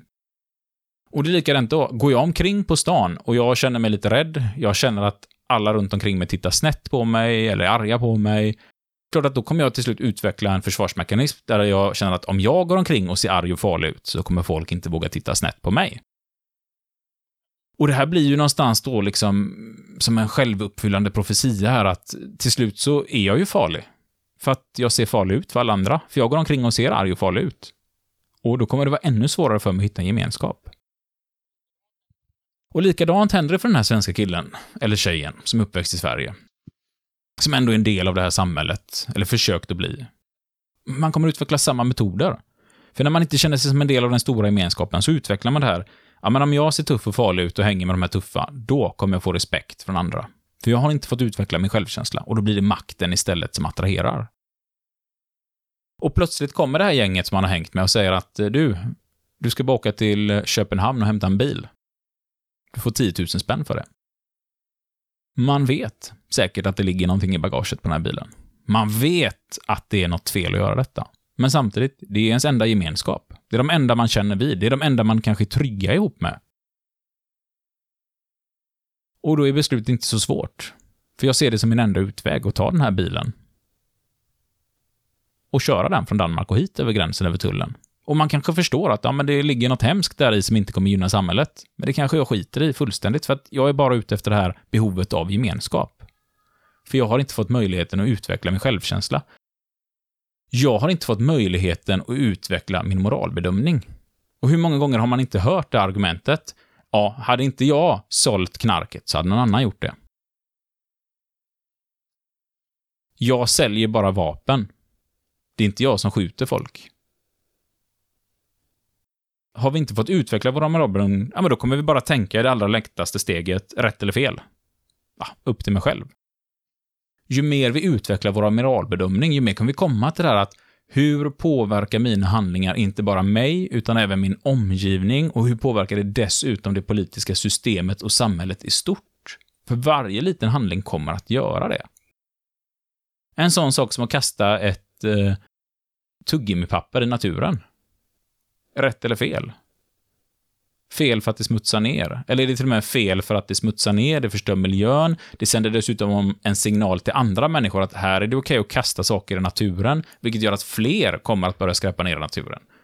Alltså, vi kan dra det här ganska långt. Och om fler börjar skräpa ner naturen, vad händer med vårt samhälle då? Ja, men då har vi definitivt, då har vi till och med byggt ett system där man ska kasta papper i naturen. Så moralbedömning kan man dra väldigt, väldigt långt och träna sig väldigt, väldigt mycket på. Men har man inte fått gjort det, då kommer det bara vara en enkel sån här, ja, men jag gör det för någon annan hade gjort det. Och plötsligt så stjäl den här svenskfödde personen en bil. Eller inte stjäl, men hämtar en bil. Och personen kanske åker fast och eh, hamnar i fängelse. Svenskt fängelse. Inne på fängelset, ja, de fysiologiska behoven av mat, vatten och luft finns där inne. Men tryggheten är frågan, hur är det med den inne i ett svenskt fängelse? Återigen där så hamnar du i en ny miljö där du inte har någon gemenskap och du känner ingen trygghet, utan du måste börja kanske imponera och sätta dig en tuffhet där inne för att eh, överhuvudtaget få någon respekt inne på fängelset. Och man börjar bara utveckla mer och mer försvarsmekanismer hos sig. Och där inne så gäller det att hitta ny gemenskap, för man vill inte sitta isolerad. För det kan man höra från folk som har suttit isolerade länge, att det är bland det värsta man kan utsätta en människa för. Och där får ju svenska häkten enorm med kritik. Inne på fängelset, där kan vi bryta ner ytterligare vår självkänsla och vi kan bryta ner våra värderingar ännu mer för att det gäller istället för att hitta ny gemenskap, istället för att utveckla vårt tänkande. Om vi inte jobbar med det på rätt sätt. Och där är Sverige faktiskt trots allt ett av världens bästa länder på rehabilitering. Ändå är det ganska få som blir rehabiliterade. Så att det finns väldigt mycket mer vi skulle kunna göra där. Den här andra personen som har kommit från Syrien börjar också nu försöka hitta en gemenskap, men finner ingen sån i Sverige. Men en dag så går man förbi ja, en liten föreningslokal. Och där står det människor och säger välkommen in, välkommen in, kom hit, syster eller bror. Här är vi alla en familj och vi ska ta hand om varandra. Och det är kanske är första gången man hittar en gemenskap där man känner att oj, vad välkomnad jag blev här. Och så helt plötsligt så, ja, idag kommer det hit en person som ska föreläsa. Och man börjar inse att, men vänta, det här är inga bra grejer. Det här är det jag flytt ifrån. Jo, jo, du har flytt ifrån detta, men du förstår att eh, det är ju västmakterna och USA och det är EU som står bakom de här krigen. Och man börjar helt plötsligt få information man inte hade innan och man får väldigt vinklad sådan. Och det här man kände att ja, men jag har flytt från de här hemska människorna. Helt plötsligt började det kanske låta som att fan, det här är de enda som erbjuder mig gemenskap. Det kanske är de som talar sanning. Det kanske är den här sidan jag borde stå på. Och det börjar kanske bara med en föreläsning. Och efteråt kanske man känner att nej, det här är inte bra, det här känns inte rätt. Men då får man det här till sig att, ja men eh, i den här föreningen så, så är det det här vi lyssnar på. Annars behöver du inte vara här. Och då står du återigen där. Den enda gemenskap jag har blivit erbjuden. Eller ska jag välja isolation från omgivningen? Och då kommer man sakta, sakta börja gå in i detta. Och det här började också med en liten grej, för det är så det funkar. När man dras in i extremism, när man dras in i kriminalitet, så börjar det med någonting litet oftast. Och nästa steg där, ja, du ska lyssna på den här föreläsningen, och sen en till föreläsning, och sen ska du svära ed med vårat gäng här, och plötsligt kanske man helt plötsligt, du ska bara ner och lämna de här grejerna till Syrien. Till IS. Du ska bara lämna de här grejerna. Inte mer, du ska inte strida för dem, du ska bara åka ner och lämna lite grejer. Och det gör man. Och man kommer ner till IS-område. Och där återigen, ingen trygghet, kanske inte ens de fysiologiska behoven tillgodoses och ingen gemenskap. Och de hotar med att slänga in dig i fängelse där nere om du inte ställer upp och börjar träna med dem. Vi ska bara träna på krig, du behöver inte följa med ut i kriget. Och återigen står du på ett ställe där det du står mellan är, ska jag få mat, vatten, luft? Ska jag få trygghet? Ska jag få del av en gemenskap? Eller ska jag välja och helt enkelt kanske hamna i isolering eller ännu värre? Och helt plötsligt har vi skapat en IS-krigare från detta. Tillbaka till den här svenska personen som släpps ut från fängelset nu, för det har gått ett par år. Och där kommer man ut. Man känner sig nu antagligen som en ännu mindre del av samhället, för folk börjar tycka att du har ju varit straffad. Jaha, vad har du gjort när man söker jobb? Här är fyra år du inte haft något jobb på. Ja, nej, jag satt på kåken. Jaha. Ja, då vill vi inte ha dig. Man kommer bara längre och längre och längre ifrån den här gemenskapen. Jag tror inte vi behöver gå så mycket längre än detta. Det blev ganska väl genomgånget ändå. Ja, jag tror folk förstår vad, vad vi menar. Och här har vi byggt både extremism och kriminalitet från ingenstans. Och de här gängen, de här religiösa ledarna, de vet ju oftast vilka individer det är de ska gå efter. De kommer inte försöka plocka in den här individen som har fått träna upp sin egen självkänsla, som har satt sitt eget värde, som har börjat med moralbedömning och kanske fått utveckla sitt tänkande ganska enormt. Det är inte de personerna de kommer försöka få in. De kommer bara avfärda dem med en gång. Och det kan man se på sektledare och allt möjligt runt omkring i världen när man ser efter att personer som tog en debatt mot dem, de lägger inte ens en tid på att debattera. För de är inte ute efter att vinna en debatt, de är bara ute efter att hitta personer de kan styra över med en gång. Och har du väl kommit in i något sånt så lär du dig att hitta en trygghet i detta, så det blir ju din trygghet, så det är det du kommer eftersträva. Så även här vet vi då att vill vi inte att folk ska hamna i den här kriminaliteten eller extremism, ja men då måste samhället på något sätt kunna erbjuda gemenskap och möjligheten till att utveckla sin självkänsla. Och det här kan ju vara tuffa frågor, men här är det ju föreningarna kommer in. Och här har man ofta den här debatten att det är fritidsgårdarna, De bränner om bilar för att, det inte, för att det saknas fritidsgårdar. Och det är klart att fritidsgårdar inte är den enda lösningen för att folk ska känna gemenskap. För känner man inte en gemenskap med de som sitter på fritidsgården, då kommer inte det vara en gemenskap heller. Utan här tror ju jag verkligen att det gäller att ha en sån här enorm bredd som vi faktiskt i Sverige har. Att du kan relativt nästan gratis hitta en fotbollsklubb, eh, du kan gå med i en scoutkår, du kan gå med i en schackklubb, du kan gå med i massa olika saker. Men det här har ju blivit enormt försämrat. Speciellt eh, under den tid då har styrt politiker som inte vill att vi ska ha den här tryggheten i det sociala. För man tycker att det är individens ansvar. Ja, så, så, relativt kortfattat, vi har försökt få in det här på under timman här nu, så har vi gått igenom Maslows behovstrappa. Och vi har behoven fysiologi, trygghet, gemenskap, självkänsla och i toppen då självförverkligande. Jag tycker den här mallen är fantastisk att använda när man diskuterar politik. För att man kan diskutera det ur ett ekonomiskt perspektiv utan att lägga in värderingar i rätt eller fel psykologiskt. Ja, skitsamma, det är ekonomiskt, så är det hållbart att göra så här. Man kan diskutera det i arbetsplatsen när man har medlemmar som eh, helt enkelt inte fungerar på arbetsplatsen. Man sitter i förhandlingar kring de här individerna, försöker hitta var är det skon klämmer, var har vi problemet, vad är det vi ska jobba med tillsammans? Och det kan hjälpa till enormt mycket om det kan vara ingångspunkten i varje förhandling. Att istället för att nu ska vi sparka ut den här personen för att den missköter sig, att nu ska vi ha ett inledande samtal för att förstå oss på varför misskötsel har uppstått. Det brukar vara min ingångspunkt faktiskt, och där tycker jag att vi har ett väldigt bra samarbete med vår HR-organisation på vårt företag, där jag jobbar i alla fall, att man faktiskt försöker att ta reda på detta. För så är det inte överallt. Och vi kan också ha den här när vi ska tänka på vårt eget ledarskap. För det handlar också om att träna sig på de här behoven. Och då går vi tillbaka till de här personerna som störtade i anderna. Alla åt inte av alla där.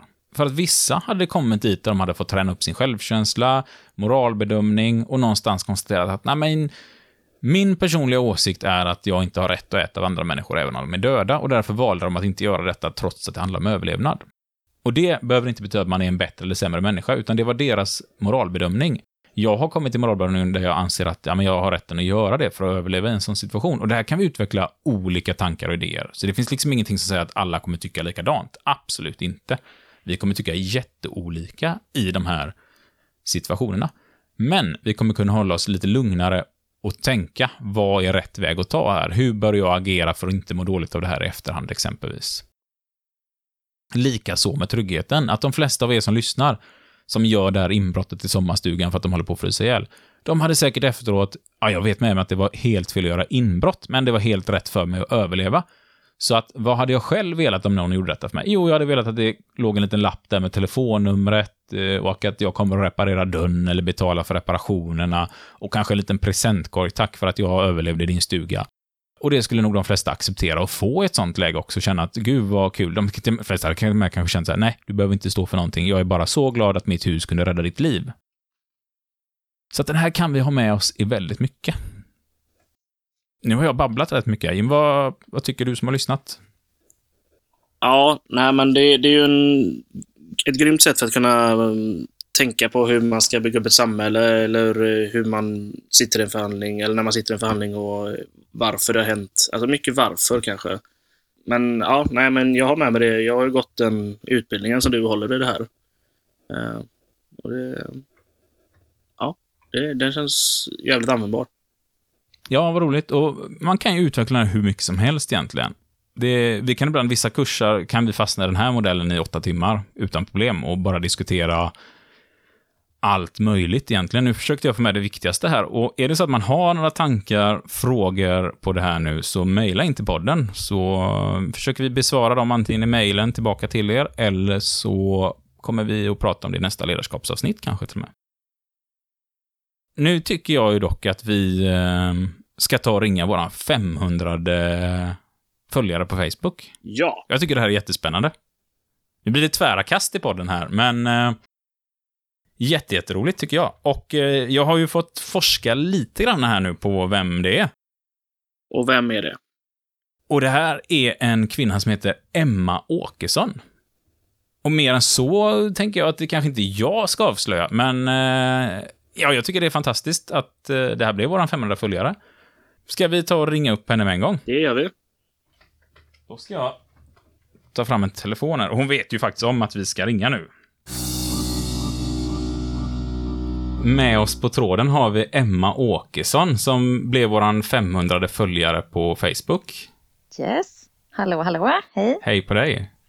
Vem, vem är du? Vad gör du till vardags? Åh, vem är jag? Jag är en eh, halvtrevlig IF Metallare eh, från Halland. Jag bor mitt emellan Varberg och Ullared. Det är en liten sommarby.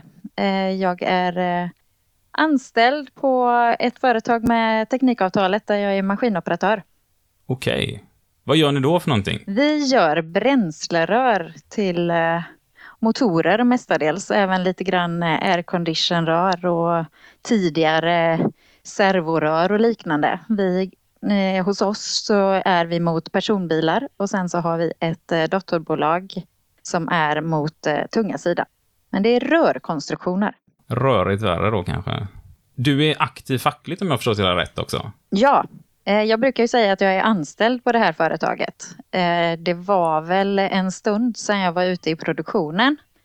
Det var rättare sagt eh, hösten 2007 som jag senast var ute i produktionen, så det var ju ett tag sedan. Jag brukar säga att snart lugnar det ner sig, snart kommer jag tillbaka. Men eh, än så länge har det inte lugnat ner sig, så jag, är, jag har lite olika fackliga uppdrag. Ja, för det, det känns nästan som att vi har fejkat det här nu att du blev den 500, för du är... Du har inte bara ett uppdrag, utan du har väldigt många uppdrag, och ganska stora sådana. Du sitter bland annat som avdelningsordförande i hela Hallandsregionen för IF Metall. Ja, det gör jag. Eh, Det har jag haft eh, det uppdraget i sex år. Och det är eh, otroligt intressant. Är det. När man som jag är intresserad av eh, så många frågor och så många olika områden inom det fackliga så är det svårt att välja precis vilket, eh, vilket ben man ska stå på. Så eh, då är det väldigt intressant att vara ordförande för då får man vara med lite överallt. Och vi pratade ju en hel del om organisation och hur fackförbunden kan vara uppbyggda här i förra avsnittet. Kan inte du berätta lite, vad gör man som avdelningsordförande? Jag tror att det är väldigt, väldigt olika. Eh, alltså i, IF eh, Metalls 35 olika avdelningar när vi har ordförandekonferenser och träffar och vi går igenom vårt uppdrag så är det så olika beroende på vilken typ av arbetsplats man är anställd på, vilken avdelning man är anställd eller man är förtroendevald på, hur organisationen ser ut och hur ens olika intressen ser ut. I Halland så har avdelningsordföranden personalansvar för eh, lokalombudsmännen. Så därför för mig så är det ju rätt så mycket att ha helheten över den hela fackliga eh, verksamheten på avdelningen. Alltifrån lokalombudsmännens vardag och deras villkor till eh, ja, studieverksamhet och all facklig verksamhet. Så att det är mycket att ha, ha helheten och se hela organisationen och försöka försöka sy ihop den på ett så bra sätt som möjligt. Det är så som det är i Halland, men hade du frågat en annan avdelningsordförande tror jag att du hade fått ett helt annat svar. Så mycket beroende på vad man är, är intresserad utav. Vad uppskattar du mest med det här uppdraget? Ja, men det är just det, att jag får göra så många olika saker. Det jag uppskattar absolut mest tror jag, ehm, det är ju också utifrån vad, varför jag är fackligt engagerad, det är ju att skapa jämlika förutsättningar så mycket jag kan. Det är alltid det jag har sagt, att det är det jag vill göra. Jag ser att mm, det finns olika förutsättningar för olika människor och jag vill att alla ska ha så bra förutsättningar som möjligt. Tidigare så var jag väl mer på att jag ville jag ville ge folk bra förutsättningar. Eh, nu så har man väl mer kommit in på att man vill eh, skapa möjligheter och förutsättningar för, för individer och medlemmar att själv skapa bättre förutsättningar och kunna påverka där man är, både på sin arbetsplats och eh, inom sin organisation. Så det tycker jag absolut är det viktigaste och det finns ju väldigt många olika sätt att göra det på. Att vara ute på arbetsplatser och prata med medlemmar och potentiella medlemmar är eh, jättekul, jätteintressant. Det ger jättemycket. Att hitta sätt att kunna komma ut och skapa de här forumen. Om det är på en liten arbetsplats eh, eller om det är på ett medlemsmöte på en, på en arbetsplats där vi har klubb. Det, är lite, det spelar inte så stor roll. Det är lika givande vilket som. Eh, eller om det är att, att hålla en utbildning. Nu kanske jag tycker att det är roligare att köra de här utbildningarna som kanske inte finns i det traditionella studiesystemet utan jag ser ett behov. Det här tycker jag att vi behöver göra och då har jag den möjligheten att faktiskt kunna snickra ihop en egen utbildning eh, och eh, köra den. Antingen om det är en hel utbildning eller om det är som en konferens men utifrån de, de behoven som jag ser. Det tycker jag är jätteintressant på, på avdelningsnivå. Sen eh, så har jag ju andra uppdrag också på förbundsnivå och då är det ju att skapa förutsättningarna där. Men allting handlar om att skapa förutsättningar. Och det har jag förstått därför att när vi gör vår lilla research här inför folk vi ska intervjua så försökte vi kolla upp lite här nu. Vi är den här Emma Åkesson. Det är därför jag säger att det nästan är lite misstänksamt här att du blev den 500 följaren. uh, vi skulle göra en intervju på våran 300 följare först. Uh, men helt plötsligt så kollade vi till en dag och då var det 363 från 289 eller något sånt där. Så det missade vi vem det blev. Så att någonstans sitter någon som inte blir intervjuad här. Men när jag började höra mig för lite då, Emma Åkesson, vem är det här? Så fick jag ju höra att det är en otroligt engagerad individ och att du även har förbundsuppdrag och sitter i den här förbundsstyrelsen som det kallas. Mm. Och vad händer i en förbundsstyrelse? Eller vad händer i IF Metalls förbundsstyrelse? Förbundsstyrelsen är ju de som eh, fattar besluten utifrån kongressens beslut. Kongressen är ju vårt högst beslutande organ. Eh, och sen så är det förbundsstyrelsen då som, eh, som tar delbesluten hur vi ska nå upp till de besluten som kongressen har fattat. Så att man diskuterar ju mycket strategiska frågor och, och och vägar som vi ska gå. Man går inte in i detaljfrågor utan mer de huvudgripliga eh, frågorna då. Um, och jag har suttit där sedan sommaren 2016 kom jag in i förbundsstyrelsen och sen blev jag vald på kongressen 2017. Så sedan dess har jag suttit i förbundsstyrelsen. Innan dess satt jag i förhandlingsdelegationen för teknikavtalet. Och förhandlingsdelegation har vi inte pratat om så mycket heller den här. Det, det kanske du snabbt kan dra också lite då? Ja. Va, vad gör man i förhandlingsdelegationen? Ja, men det, det, det är ju det verkligt intressanta. Det är ju ett otroligt eh, intressant uppdrag. Eh, där sätter man sig ner och eh, diskuterar och förhandlar vad det är som ska finnas i våra kollektivavtal. Ehm, utifrån alla de förslag och motioner som våra medlemmar och förtroendevalda har lämnat in till sina respektive klubbar och avdelningar och som sedan har skickats vidare upp till avtalsrådet eh, där man har debatterat och fattat beslut om eh, så är det rätt så många olika önskemål eh, i form av motioner då som hamnar i förhandlingsdelegationen. Så först så sitter man ju och förhandlar med sina egna kamrater i den egna delegationen om vilka motioner det är som man ska driva vidare. Och sen när man väl har eh, landat där, då ska man lämna över den här önskelistan utav eh, krav till förbättringar i kollektivavtalen till våra motparter och sen så, så börjar förhandlingen, det som är avtalsrörelse inför att få nya kollektivavtal. Och där kan man verkligen vara med och påverka om man vill det. Så det är ett riktigt, riktigt intressant uppdrag. Om man vill vara med mer i detaljfrågorna. Vilka frågor tycker du är mest intressant att driva? Eller vilka frågor skulle du helst vilja ha igenom?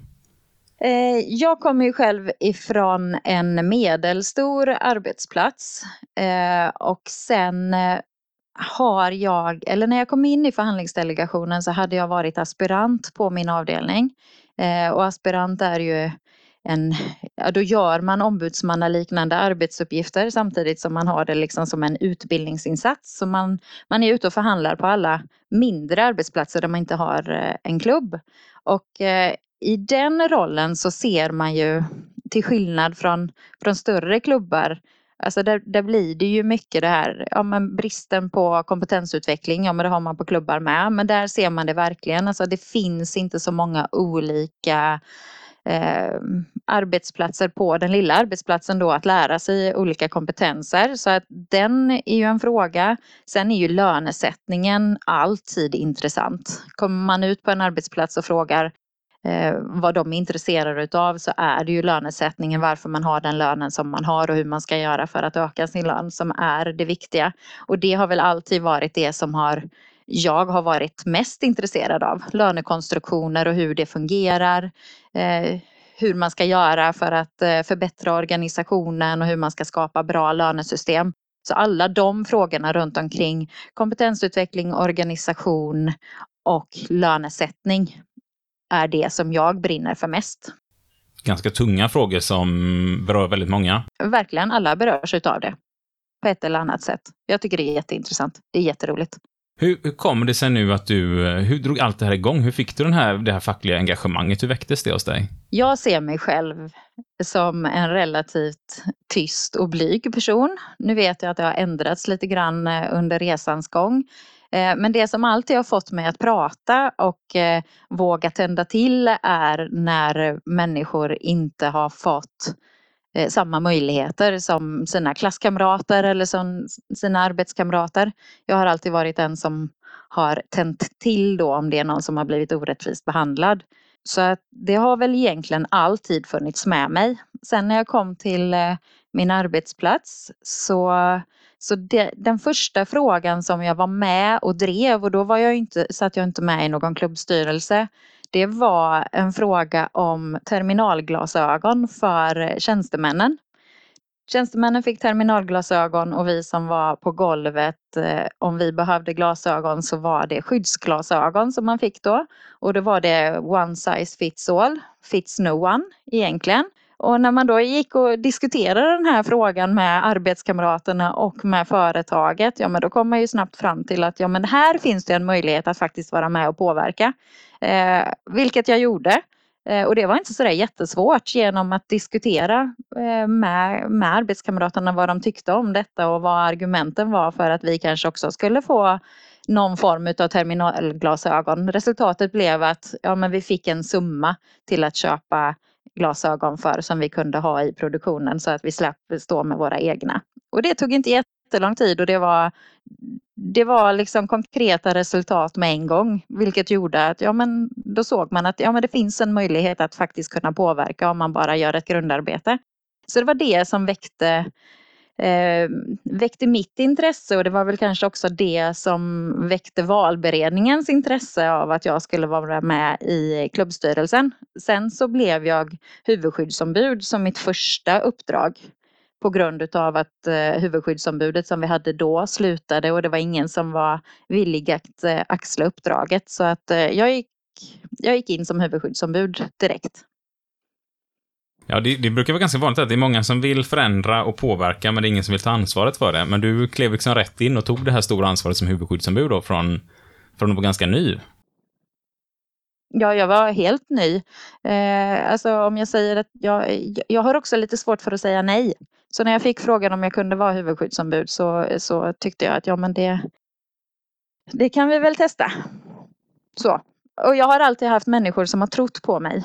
Eh, som har hjälpt mig och, och eh, skapat, alltså visat på olika vägar och eh, hjälpt mig med nätverk. Som jag sen då har försökt att axla och ta, eh, ta vidare. Men jag har alltid haft någon som har trott på mig, vilket är jätteviktigt. Utanför arbetsplatsen och allt det här du engagerade fackligt, har du något annat eh, engagemang i samhället då? Ja, och då, eh, alltså jag är ju, jag är även mamma. Eh, och eh, jag är mamma till eh, två barn varav det ena har haft en allt annat än enkel uppväxt eller skolgång. Och vi har eh, då, eller jag har fått lära mig om hur det är att vara tigermamma och verkligen kämpa med skolan för att få igenom så att mitt barn får så bra förutsättningar som hen bara kan få. Hen har en eh, lättare form av autism och det har tagit rätt så många år att eh, få igenom först utredningen och sen eh, få, få möjligheten för henne att faktiskt kunna skapa rätt förutsättningar. Det har varit tufft. Sen så har vi också fått kämpa med sjukvården för att eh, hen var tvungen till att amputera benet på grund av en cancerdiagnos. Och eh, för att få ett så bra vardagligt eh, liv som möjligt så krävs det att man verkligen är påläst och pådrivande gentemot sjukvården för att få så bra hjälp och, eh, och ben blir det ju här med så bra knä som möjligt för att eh, kunna ha ett så bra vardagligt liv som möjligt. Så att eh, driva samhällsfrågor och eh, driva de som kanske inte har lika bra förutsättningar som andra. Det, det brinner jag otroligt mycket för. Här har det ju varit i privatfallet men jag brukar driva den typen av ärenden för de som behöver det också. För det kanske är oftast i de situationer man har som tuffast att själv driva ett ärende när det tar mycket energi med allting runt omkring en och det är Alltså man blir känslomässigt berörd och det tar både kraft och energi ifrån en och så ska man samtidigt hålla på och behöva samla energi för att ta kampen mot eh, kommuner, landsting, sjukvård eller vad det nu kan tänkas vara. Eh, men där finns du liksom som en stöttepelare för individer runt omkring dig. Ja, det, det tycker jag faktiskt att mig vill jag säga att jag eh, gör. Jag tycker det är jätte, jätteviktigt och jag, jag brinner för de frågorna. Jag tänder till utav de frågorna. Ehm, det berör mig verkligen så att där, där försöker jag hjälpa till så mycket jag bara kan.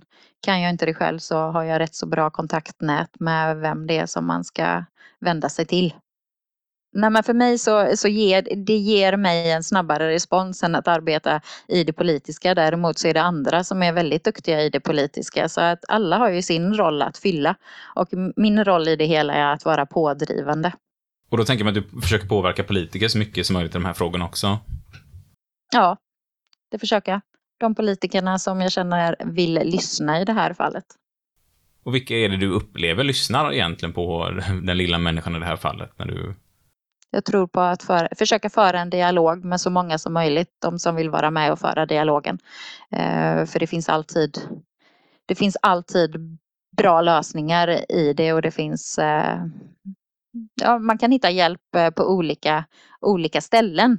Sen så som sagt så, så är det ju vilka grundideologier och värderingar det finns, det, det, det vet vi ju om.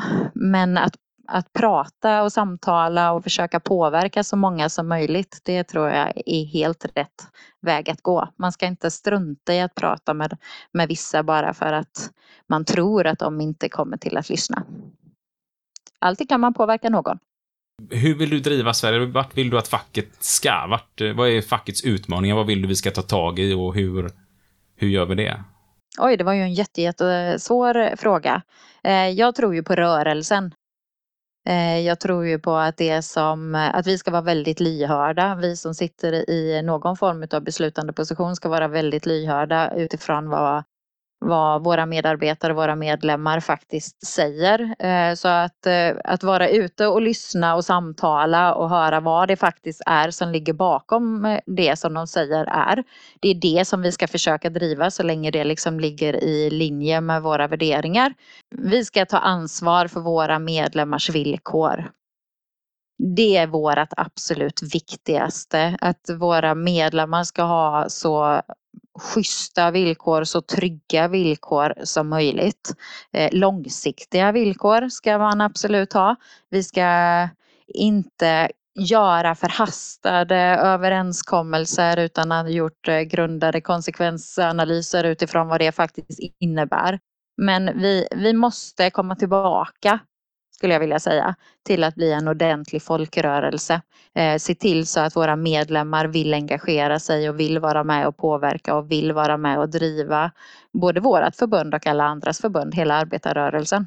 Så tror jag att vi kommer till att hamna rätt. Jag tror att det är enklare att säga så än att eh, peka ut någon exakt eh, riktning, eh, någon exakt fråga. Har du lyssnat på podden och vad tycker du om podden? Ja, jag har lyssnat på podden. Eh, jag kom över den av en tillfällighet. Jag tycker att det är... Jag lyssnar inte så mycket på musik när jag eh, gör saker utan jag lyssnar på böcker, jag lyssnar på poddar. Eh, och så hade jag tomt på min lista. Jag visste inte vad jag skulle lyssna på så att då letade jag runt och eh, ville gärna lyssna på något eh, fackligt för att jag tycker att det är så jäkla härligt att höra andra som är engagerade i samma frågor som jag är. Eh, då hittade jag er podd och det var när ni hade spelat in två stycken avsnitt. Så det fanns det ju lite grann att lyssna på. Eh, och jag tyckte första avsnittet var jätteintressant. Jag har också hållit i medlemsutbildningar eller jag håller i medlemsutbildningar ibland och grundutbildningar och just historiapasset var jättebra. Eh, det fanns jättemycket grejer som jag kommer till att ta med mig eh, även om man liksom har kunskapen så hör man någon annan säga samma sak fast på ett lite annorlunda sätt. Så att eh, det var bra med det avsnittet och sen när jag lyssnat på de andra, jag har inte lyssnat på dem riktigt alla det sista för att jag har haft lite mycket annat att göra. Eh, men eh, alla de avsnitten som jag har lyssnat på har varit eh, jäkligt intressanta. Så, så kom jag över det och ja, jag tycker det, det är riktigt intressant. Vi brukar prata om det på avdelningen också, jag och mina handledarkollegor, att vi tycker att det är jättebra. Så att vi lyssnar gärna om avsnitten och skriver ner så här klockrena citat och, och så. Och det säger jag inte bara för att eh, fjäska här för er, utan jag tycker faktiskt det. Riktigt bra. Jätteroligt att höra och nu sitter vi här och får ännu mer storhetsvansinne här i podden tror jag. Eh, men det, det värmer så mycket att höra, absolut.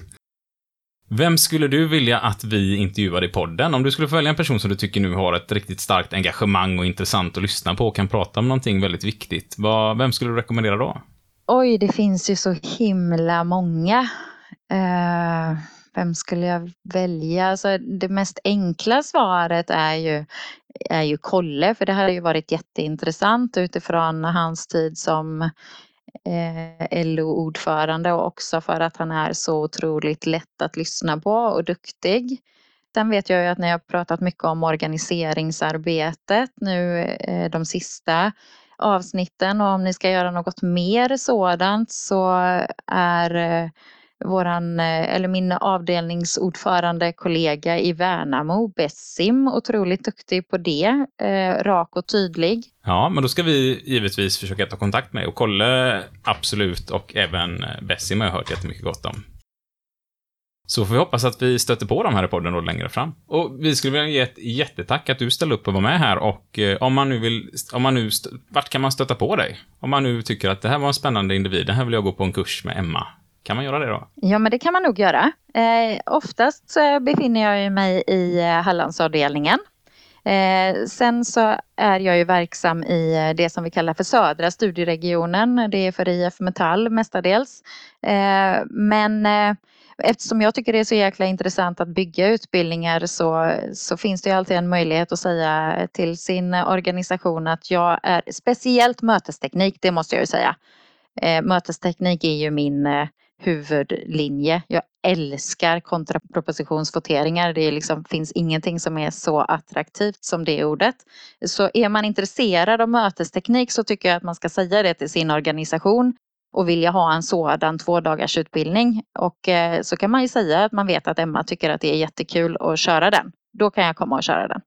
Det är superkul. Och då är vi inne på avancerade grejer också. Nu hör jag att eh, vi kanske ska bjuda in dig och få köra ett sånt här avsnitt i podden om mötesteknik ihop med Sebastian. Ja, men det hade varit jättekul. Då håller vi tummarna på att det blir ett sånt avsnitt i framtiden här och ja, vi vill tacka dig så jättemycket att du var med här. Tack så jättemycket själv. Så säger vi på återhörande. Tack, det gör vi. Ha det gott. It's a big fucking deal. What the fuck are we doing out here? I ask you, what in the fuck are we doing here? What in the fuck are we doing? So what's the big fucking deal? What the fuck are we doing out here? I ask you, what in the fuck are we doing here? What in the fuck are we doing?